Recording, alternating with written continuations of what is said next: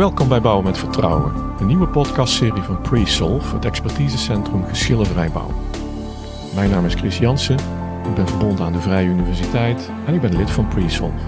Naast mij zit Arend van Wassenaar. Arend, welkom.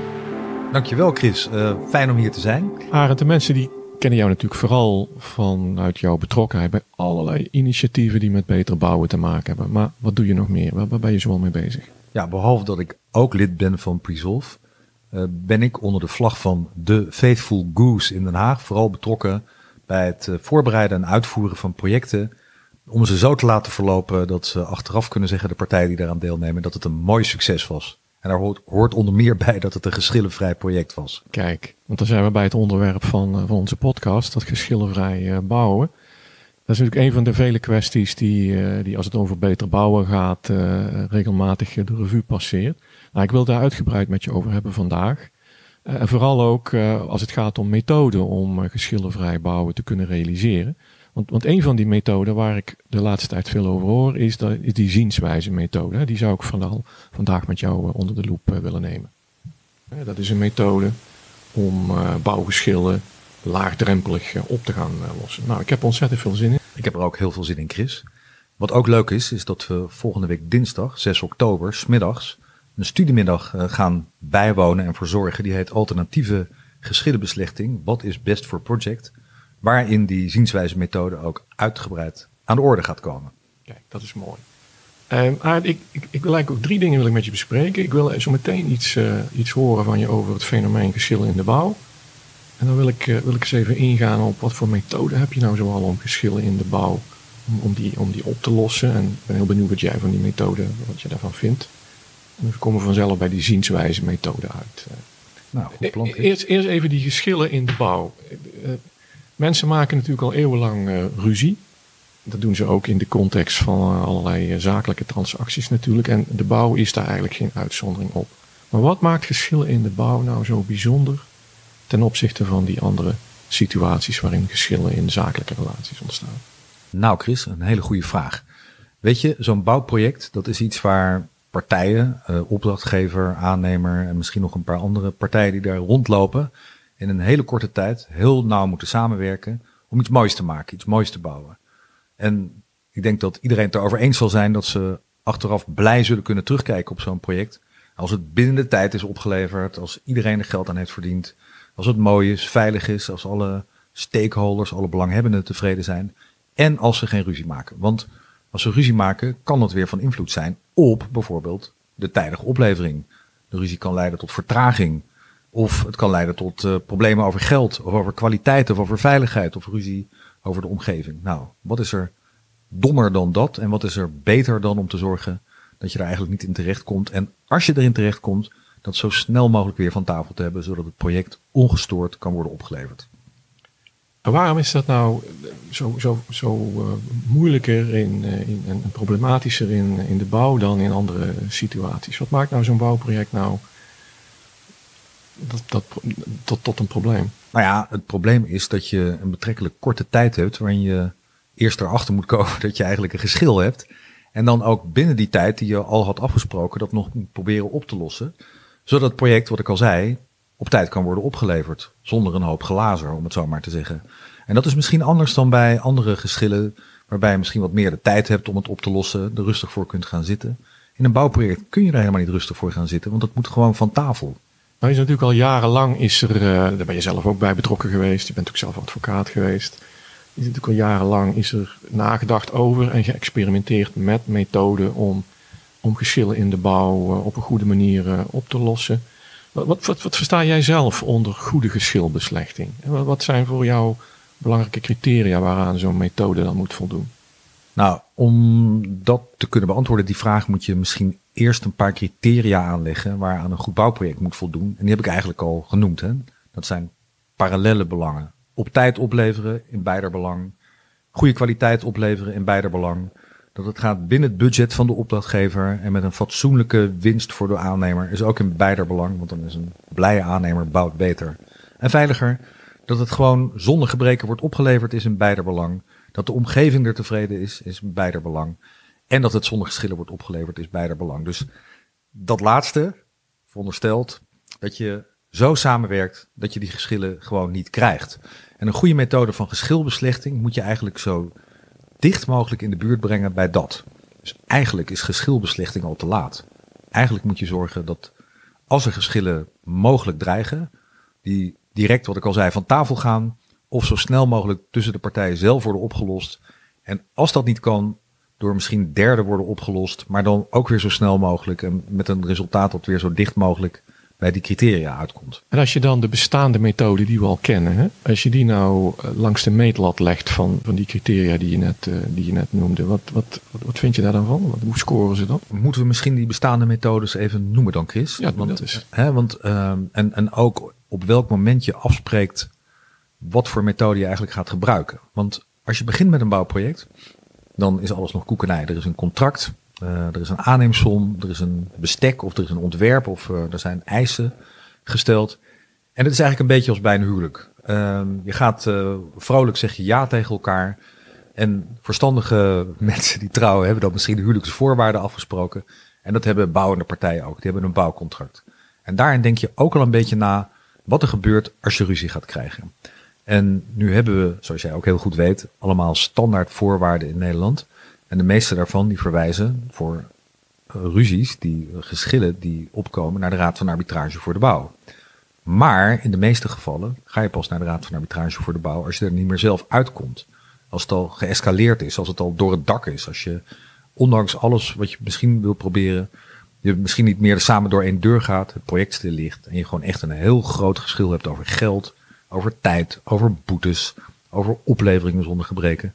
Nou, die methode is prima en die kan je van tevoren afspreken, maar die komt dus niet heel dichtbij waar we het er net over hebben. Het is achteraf proberen te repareren wat er nog te repareren valt, maar het geschil is er geweest. Dus die methode prima als laatste redmiddel.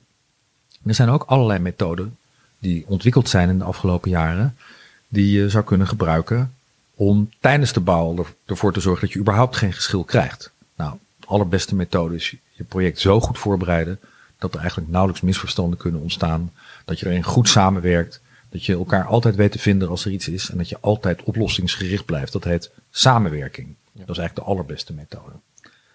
Als je dat dan toch niet uh, lukt, die samenwerking, als er toch iets komt waar je zelf niet uitkomt, kun je altijd de hulp inroepen van derden. Nou, dat heet dan mediation of bemiddeling of dat soort methodes. Um, er zijn dus ook ja, partijen die je laat meelopen met een project. Dat heet een raad van deskundigen of een geschillencommissie of een Dispute Resolution Board, Review Board of Dispute Adjudication Board of Dispute Avoidance Board. Nou, er zijn allemaal variaties in grote internationale projecten. Dat zijn gezelschappen van 1 à 3 en soms groter, man en vrouw, die van tevoren wordt benoemd, met het project meelopen, altijd eens in een maand of twee maanden bij het project komen, spiegelen, met de partijen bespreken of het allemaal goed gaat. En als er een probleem dreigt, zo snel mogelijk de partijen ertoe aanzet om dat zelf op te lossen. Lukt dat niet, dan hakken zij de knoop door. Nou, dan hebben we mediation. En dat spreek je meestal niet van tevoren af, maar pas als je het geschil hebt. En dan heb je de zienswijze methode. Nou, die laatste methode, dus geschillencommissie met al zijn uh, benamingen, mediation en zienswijze methode, dat zijn methoden die meestal worden ingezet tijdens het bouwproject, met als doel om zo snel mogelijk te komen tot een oplossing. Ja. En die scoren dus, afhankelijk van op welk moment je daarover beslist, heel goed. Een raad van, raad van advies of een geschillencommissie of een raad van deskundigen. Dat is misschien wel de beste methode als die goed wordt ingezet. Maar ja, die is omslachtig en die is misschien een beetje duur voor wat kleinere projecten. En die zit ook niet op heel veel projecten. Als je die hebt, is de kans op echte geëscaleerde geschillen best klein. Dus kans op succes. Mediation doe je op het moment dat je een geschil krijgt. En de meeste mediations, 80, 90 procent van de mediations loopt wel goed af. Dus dat is ook een goede methode, kan lekker snel. En de zienswijze methode, die is een beetje, waar we het zo meteen wat beter over gaan hebben. Dat is een, vind ik zelf, een hele mooie methode. Die een beetje het midden biedt tussen zowel mediation en bemiddelingstechnieken als geschillenoplossingstechnieken. Die biedt van alles wat. Ja, vertel eens wat meer over. Wat, wat is dan de, zeg maar, de essentie van die methode die echt het verschil maakt wat jou betreft ten opzichte van die andere methoden? Nou, dan moet ik even duiken in bijvoorbeeld de arbitrage, hè, waar we of rechtbank, maar arbitrage zie je in de bouw wat vaker dan de rechtbank. Dat zijn methoden die eigenlijk niet zijn bedoeld om geschillen direct weer van tafel te krijgen. Dat zijn geëscaleerde geschillen. En de procesmethode die daar nou één keer in het Nederlands recht voor is gegeven, is dat de eisende partij, de partij die vindt dat die ruzie uh, heeft, maar dat het allemaal komt door de ander, begint met een eis, een arbitraal verzoekschrift, een dagvaarding, waarin die allemaal verwijten maakt aan de andere, aan de andere kant. He, dat is de opdrachtgever tegen de aannemer. Als de aannemer het werk heeft stilgelegd of misschien in de visie van de opdrachtgever een beetje te veel gebreken, kwaliteitsissues heeft. Of als de aannemer is, de opdrachtgever die maar geen beslissingen neemt, niet betaalt, meer werkopdrachten niet wil geven. Dat zijn dat soort geschillen. Nou, dan begin je met een eis, met verwijten. En dan komt een antwoord op, vaak met een tegenvordering, met nog meer verwijten. Dus verwijt, verwijt, verwijt. En nou, een verwijtende sfeer is niet echt een hele goede sfeer om samen in goede eendrachtige samenwerking weer door te gaan aan het project. Daarom zei ik al, arbitrage gebeurt meestal achteraf. Heel soms tijdens het project, maar dan heb je echt over een geëscaleerd project. En in een project waar tijdens de uitvoering een arbitrage komt, zie je meestal ook al grote vertragingen komen, omdat ze moeten wachten op de uitkomsten die arbitrage. Nou, weer niet succesvol. Wat doet de zienswijze-methode? Die probeert die eis en antwoord en nou, hoe het dan heet, rupliek, dupliek tegenvorderingen, allemaal op een veel laagdrempelige manier te verpakken in zienswijze. Waarin bij de beide partijen, nadat degene die die zienswijze-methode gaan doen, dat zijn adviseurs, zo noemen we ze, tegelijkertijd hun problemen op tafel leggen. In een soort vragende vorm. Wij vinden dit, wij vinden dat. De adviseurs die kunnen die partijen dan ook helpen bij het formuleren van hun vraag. Want soms is het niet helemaal duidelijk wat er aan de hand is. En soms denkt de een dat het probleem X is en de andere zegt nee, het probleem is eigenlijk Y. En de eerste taak van die adviseurs is om aan de hand van alle informatie die er is, het probleem, de scope van het probleem duidelijk te krijgen. Nou, daarop krijg je dan zienswijze. Over die zienswijze kunnen die adviseurs dan weer vragen stellen. Dat gaat trouwens allemaal heel erg snel. Dan komt er een bijeenkomst waarin het allemaal wordt besproken. Bij die bijeenkomst zullen de adviseurs ook met in het achterhoofd de belangen van die partijen proberen om die partijen naar een oplossing zelf te krijgen. Maar lukt dat niet, dan kunnen ze als gewone bindend adviseurs, waar we zo meteen iets meer over kunnen zeggen misschien, wat dat dan precies is, gewoon de knoop doorhakken. Waarna partijen weer doorgaan en dat allemaal binnen twee, drie maanden. Ja. Dus en dat is redelijk snel. Nou, zoals je het nu beschrijft, klinkt het alsof het, de, bal meer bij partijen zelf uh, gelegd wordt. Tegelijkertijd probeer je dan toch voor een procesinrichting te kiezen waarin dat verwijt te maken over en weer enigszins uitgeschakeld wordt, toch? Dat is het idee. Ja, er zullen altijd verwijten zijn. En ook in de mediation zie je dat. Hè. Een belangrijk hoofdstukje in mediation is stoom afblazen. Omdat er nou een keer gedoe is geweest. Nou, dat moet allemaal wel een keer gezegd worden. Maar dat kun je dan vervolgens opzij zetten en verder focus geven aan het probleem zelf. En dat op basis van de feiten, die je niet voor elkaar verstopt, maar die je allemaal probeert op tafel te krijgen, tot een oplossing te komen. En dat is trouwens wel grappig, want in een arbitrage of in een rechtprocedure heb je advocaten. En advocaten die proberen aan die rechter of aan die arbiters de feiten zodanig voor te spiegelen dat ze zoveel mogelijk in het voordeel van zijn eigen cliënt zijn. En ze hoeven niet alles te zeggen wat er is. Ze kunnen een heleboel dingen ook voor zich houden. Dat heeft dan te maken met stelplicht en bewijslast. Nou, dat is procesrecht, daar ga ik het verder niet over hebben. Maar dat betekent dus dat die rechters en die arbiters mogelijk een gemankeerde werkelijkheid voor zich krijgen. Een soort achteraf reconstrueren van het probleem, waar dan maar chocola van moet worden gemaakt. Nou, bij de zienswijze methode ga je dat niet doen. Dan ga je gewoon alle feiten op tafel leggen, zodat iedereen gewoon kan zien wat er gebeurt. En zodat als er een beslissing wordt gegeven, ook duidelijk is waarom die beslissing wordt gegeven en waar die beslissing over gaat. Dat er niet feiten zijn achtergehouden, maar dat alle feiten op tafel liggen. En nou, vaak de partijen zelf er eigenlijk al uitkomen. Zoals je het eh, proces eh, op hoofdlijnen beschrijft, hoor ik aan de ene kant het gesprek wat met partijen gevoerd wordt door die adviseurs om te proberen eruit te komen. Tegelijkertijd schets je ook dat er mogelijk beslissingen onderweg genomen moeten worden. Wat, wat zijn de mogelijkheden waarmee zo'n zo'n zo'n zienswijze procedure uiteindelijk afloopt? Hè? Hoe, hoe kan, wat, wat zou de uitkomsten kunnen zijn? Nou, dan zijn er twee smaken. De ene smaak is dat de partijen er samen uitkomen met hulp van die adviseur. Dat gebeurt dan, zoals het in het Nederlands recht heet, door een zogenaamde vaststellingsovereenkomst. Dat is een duur woord voor schikking. Dat is een stuk op papier waarin partijen beschrijven hoe ze hun geschil oplossen en hoe ze verder gaan samenwerken, meestal ook. Dat is de ene smaak. Maar lukt dat niet, daar was die zienswijze methode ook voor bedoeld, dan gaan de adviseurs de knoop doorhakken. En die nemen dan een beslissing, dat is dan niet een vonnis, een arbitraal vonnis, dat heet dan een bindend of soms een afhankelijk van wat de partijen willen, een richtinggevend advies. Dat is een soort beslissing niet een vonnis, die ook weer recht de kracht kan hebben van een vaststellingsovereenkomst, maar door derden bedacht, dus door de adviseurs bedacht. In het geval dat het een bindend advies is, dat mogen partijen zelf beslissen, dan heeft hij ook de kracht van een vonnis. En als het een richtinggevend advies is, dat kan ook de wens zijn geweest van die partij, dan is het bedoeld om de partijen over de streep te trekken om alsnog samen tot een deal te komen. Ja, je hebt vaker met deze procedure heb je al gewerkt, hè? De Zeker. Kan je, kan je een voorbeeld geven van waarom het goed ging? Ik denk aan een uh, project waarbij een grote opdrachtgever en een grote aannemer een project van een infrastructuurachtig project deden voor heel veel miljoen. Waarin ze geschillen hadden gekregen of verschillen van inzicht over de uitleg van een overeenkomst. En waarbij de aannemer vond dat hij recht had op bepaalde meerwerken. En de opdrachtgever zei nee, want ik leg de overeenkomst nou één keer anders uit. Nou, die partijen die gingen besloten die zienswijze methode te gaan volgen. En kwamen toen in dit geval bij mij uit. En uh, ik heb toen eerst die partij één op één geïnterviewd. Het is ook een kenmerk van de zienswijze methode. Je hoeft niet altijd alles samen te doen. Je kunt ook één op één gaan. Dat levert wel wat hobbels op waar we het misschien zo meteen over kunnen hebben. Maar dat maakt het heel interessant. Dus dan krijg je eigenlijk een beetje vertrouwelijk, maar alle informatie die er maar is over het project. Gegevens, hoe de samenwerking gaat, hoe partijen met elkaar omgaan, hoe de communicatie verloopt. En vaak hoor ik daar dan al dingen in die erop lijken dat de partijen in de communicatie het eigenlijk niet helemaal goed met elkaar doen.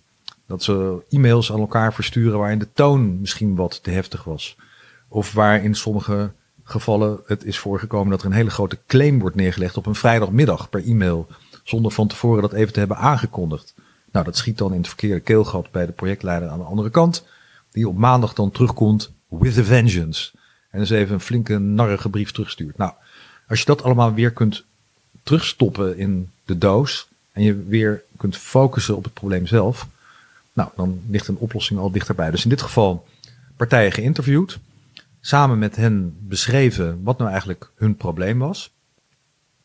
En hoe ze en wat mijn interventie zou gaan worden. En de interventie zou in dit geval gaan zijn een bijeenkomst die zou gaan voorsorteren op mijn beslissing in de vorm van bindende adviezen voor de claims. En zo zouden we het ook gedaan hebben. Het grappige is, het is er nooit van gekomen, omdat uh, vlak voordat we die beslissing, die, die bijeenkomst zouden gaan hebben, ik werd gebeld door beide partijen gezamenlijk maar ze vertelden dat ze er al uit waren. En waarom waren ze eruit? Omdat ze met mij heel diepgaand hadden gesproken over het project en over hun samenwerking. En over wat er allemaal misging en over hoe je over die problemen kon denken. En ik heb ze er echt niet een richting in geduwd. Ik heb ze alleen maar samen met hen door alle stukken heen gelopen. Alle aspecten daarvan met hen besproken. Aan beide kanten, één op één. Waarna ze samen zeiden, ja, hier kunnen we toch eigenlijk zelf van komen. Ja. Overigens was dit fase 1 van het project. Er was ook nog een fase 2. Dus vervolgens hebben we wel een bijeenkomst gehad. Maar die ging over het beter inrichten van hun samenwerking. Zodat ze bij fase 2 niet dezelfde fouten zouden maken die ze bij fase 1 hadden gemaakt.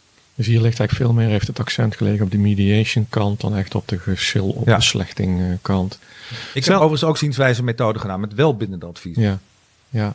Stel nou dat het in, uh, dat, dat heb je daar gedaan bij andere projecten, maar stel nou dat je bij dit project ook uiteindelijk in de rol was gekomen dat je een knoop had moeten doorhakken. Ja dan is het ook eigenlijk heel vreemd hè, dat je eigenlijk al individueel met partijen uh, uh, gesproken hebt. Daar heb je heel veel informatie opgehaald. En vervolgens kom je weer in die rol van geschilbeslechter en moet jij die knoop doorhakken. Ja. Je, je hebt puristen, die, die, die, niet juristen, maar puristen, die zeggen dat kan eigenlijk niet. Hè? Je kan als geschilbeslechter of geschiloplosser niet die beide rollen verenigen. Nee, dat is heel, heel goed dat je dat uh, bespreekt dit. Want hè, het eindproduct van de zienswijze-methode kan zijn dat bindend advies. En een bindend advies, even juridisch, is een vaststellingsovereenkomst. Een vaststellingsovereenkomst die door een derde is gemaakt, in dit geval de adviseur. Nou, uh, van een vonnis van een rechter kun je een hoger beroep. Van een vonnis van een arbiter kun je of een hoger beroep, of je kunt gaan naar de rechtbank als je het er niet mee eens bent om te laten vernietigen. Maar van een bindend advies, waar je ontevreden over bent, kun je ook naar de rechter en dan kun je erover klagen dat hetzij de inhoud totale onzin is. Of dat de manier van totstandkoming van dat stuk gewoon niet goed genoeg is.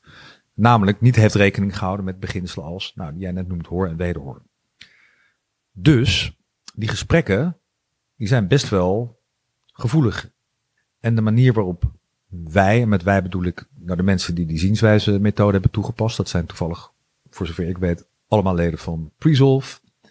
Daarmee omgaan is dat we niet één op één alles wat we daarin horen ook vertellen aan de andere kant. We spreken van tevoren af welke informatie er bijvoorbeeld wordt geüpload op een gemeenschappelijk platform, met de andere kant wordt gewisseld. En in de beslissing die uiteindelijk wordt gegeven, wordt ook niet verwezen naar vertrouwelijke mededelingen die door de ene naar de andere kant zijn gedaan. Zodat wat ze uiteindelijk terugzien gebaseerd is op informatie die ze beide van elkaar kennen. En dat is best wel een ding. Daar moet je ook gewetensvol mee omgaan. En om die reden hebben we trouwens ook het artikel dat onder meer jij en ik hebben geschreven in Tijdschrift voor Bouwrecht van september. De titel meegegeven, De kunst van het verleiden. Maar het gaat erom dat je ze op die manier verleidt om met jou vertrouwelijke gegevens te delen. Waarvan ze zij erop kunnen vertrouwen dat die niet zomaar worden gedeeld met de andere kant. Maar die voldoende zijn om ze uiteindelijk ertoe te verleiden gewoon met de billen bloot te gaan, alle informatie te geven die er maar te geven valt. Zodat het advies dat uiteindelijk tot stand komt, als dat nodig is, zo goed en zo degelijk mogelijk is onderbouwd en voldoet aan alle regels van de kunst. Wat me nog, nog verder interesseert, Aard, is de vraag voor welke type gevallen, geschillen of situaties deze methode zich nou eh, het meeste leent. Hè? Ook in relatie tot, in vergelijking met die andere methode die je eerder besprak. Ik, ik had zelf de gedachte, je gaf net dat voorbeeld van dat je een uitleggeschil moest oplossen. Ik zou juist bij een uitleggeschil zou ik denken, daar leent het zich niet voor omdat beide partijen eh, zonder elkaar verwijten te maken dat contract nou helemaal verschillend lezen. Nou, je bedoelt een uitleg van de overeenkomst. Ja, nou, dus waar ik het over had was niet zozeer de uitleg van de overeenkomst, maar de uitleg van de feiten ah, okay. het licht van de overeenkomst. Maar dat is een goed punt. Als het echt om juridische uitleg van, van een bepaling in een contract gaat, ja, dan kan je elkaar blijven aankijken en proberen samen tot een oplossing te komen. Maar, ja, soms is dat niet. Ja. Heb je daar gewoon behoefte aan een derde die zegt, zo zit het. Nou, het hangt een beetje af van wat partijen zelf willen. Als ze jou voldoende vertrouwen en jou gewoon een totale vrijheid geven om, gelet op jouw hopelijke deskundigheid op dat punt, een knoop door te hakken in juridische zin, dan kan het wel. Maar het ligt alweer wat verder af van, hè, van, van het project zelf. Dus, um, maar op zichzelf binnen de adviezen over de uitleg van de overeenkomst een, een, prima manier. Dus als de zienswijze methode daarin zou eindigen en dat goed met partijen is besproken en de verwachtingen gewekt, ook echt zijn van nou nu gaan we dit, dit punt eruit halen en of wij gaan het doen of iemand anders, want het kan ook best zijn dat je er samen over eens bent dat professor X aan de een of andere universiteit nou een keer de ultieme specialist is op dit gebied. Ja. En zijn er nu situaties uh, waarvan je zegt, ja, daar zou ik het niet doen, of daar zou ik het juist wel doen? Hè?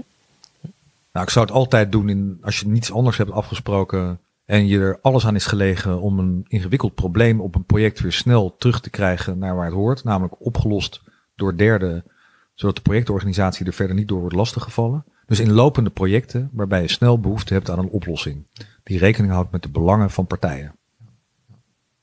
Oké. Zeg, hoe staat het op dit moment met de belangstelling voor de methode? Ja, ik moet zeggen dat uh, mijn uh, kast behoorlijk is gevuld met uh, dossiers die allemaal deze methode laten toepassen. Ja. En wat zijn er, heb je nog, nog meegemaakt dat je in de in de toepassing van de methode door de tijd heen dat je nieuwe inzichten verworven hebt? Nee, ieder project is verschillend. Ja. ja, Dus ik probeer gewoon steeds weer met een frisse blik te kijken naar wat hier dan de beste manier zou zijn om het te doen. Die methode is trouwens een soort cafetaria-model. Hè? Want ik bespreek hem hier wel op de manier zoals ik het vaak doe. Ja. Maar al die stapjes die er zijn, en dat zijn er maximaal acht, die staan ook allemaal beschreven in de modelovereenkomst die op onze website is te vinden.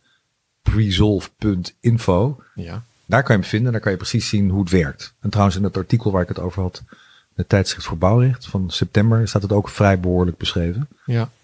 En iedereen kan die modelovereenkomst zo uh, gebruiken? Als je naar dat, die website gaat, www.resolve.info, dan is hij gewoon te downloaden in PDF en zelfs in Word. Dus je kunt er nog helemaal verknippen als je dat wil. Ah, super. Super. Eh, nog, nog één keer, uh, waar kunnen mensen nog behalve op de website nog verder, uh, als ze meer willen weten over, over deze methode, aan nou, informatie komen? Volgende week dinsdag, 6 oktober, om 1 uur s middags, de studiemiddag alternatieve geschillenbeslechting. Wat is best for project? In Space to Create aan het Stationsplein 90 te Utrecht. Georganiseerd door het Instituut voor Bouwrecht, ibr.nl. Met ook nog andere sprekers, namelijk jij, samen met mij. En Monique Niesse, die uh, adjunct-directeur is van de Raad van Arbitrage, die het zal hebben over de fast track procedure bij de Raad van Arbitrage. Ook een hele bijzondere procedure. En een hele bekende advocaat, Stan Putter, die het over al die andere methoden gaat hebben waar ik het net al een beetje over had. Dus dat lijkt me ook een hele goede, een heel goed moment waar volgens mij nog plaatsen voor vrij zijn om op korte termijn daar wat meer over te leren. Dankjewel Arend voor de toelichting en, uh, en, en, we gaan uitkijken naar die 6 oktober. Dankjewel. Ik ook. En dankjewel Chris dat ik hier te gast mocht zijn en ik uh, zie uit naar onze verdere podcasts.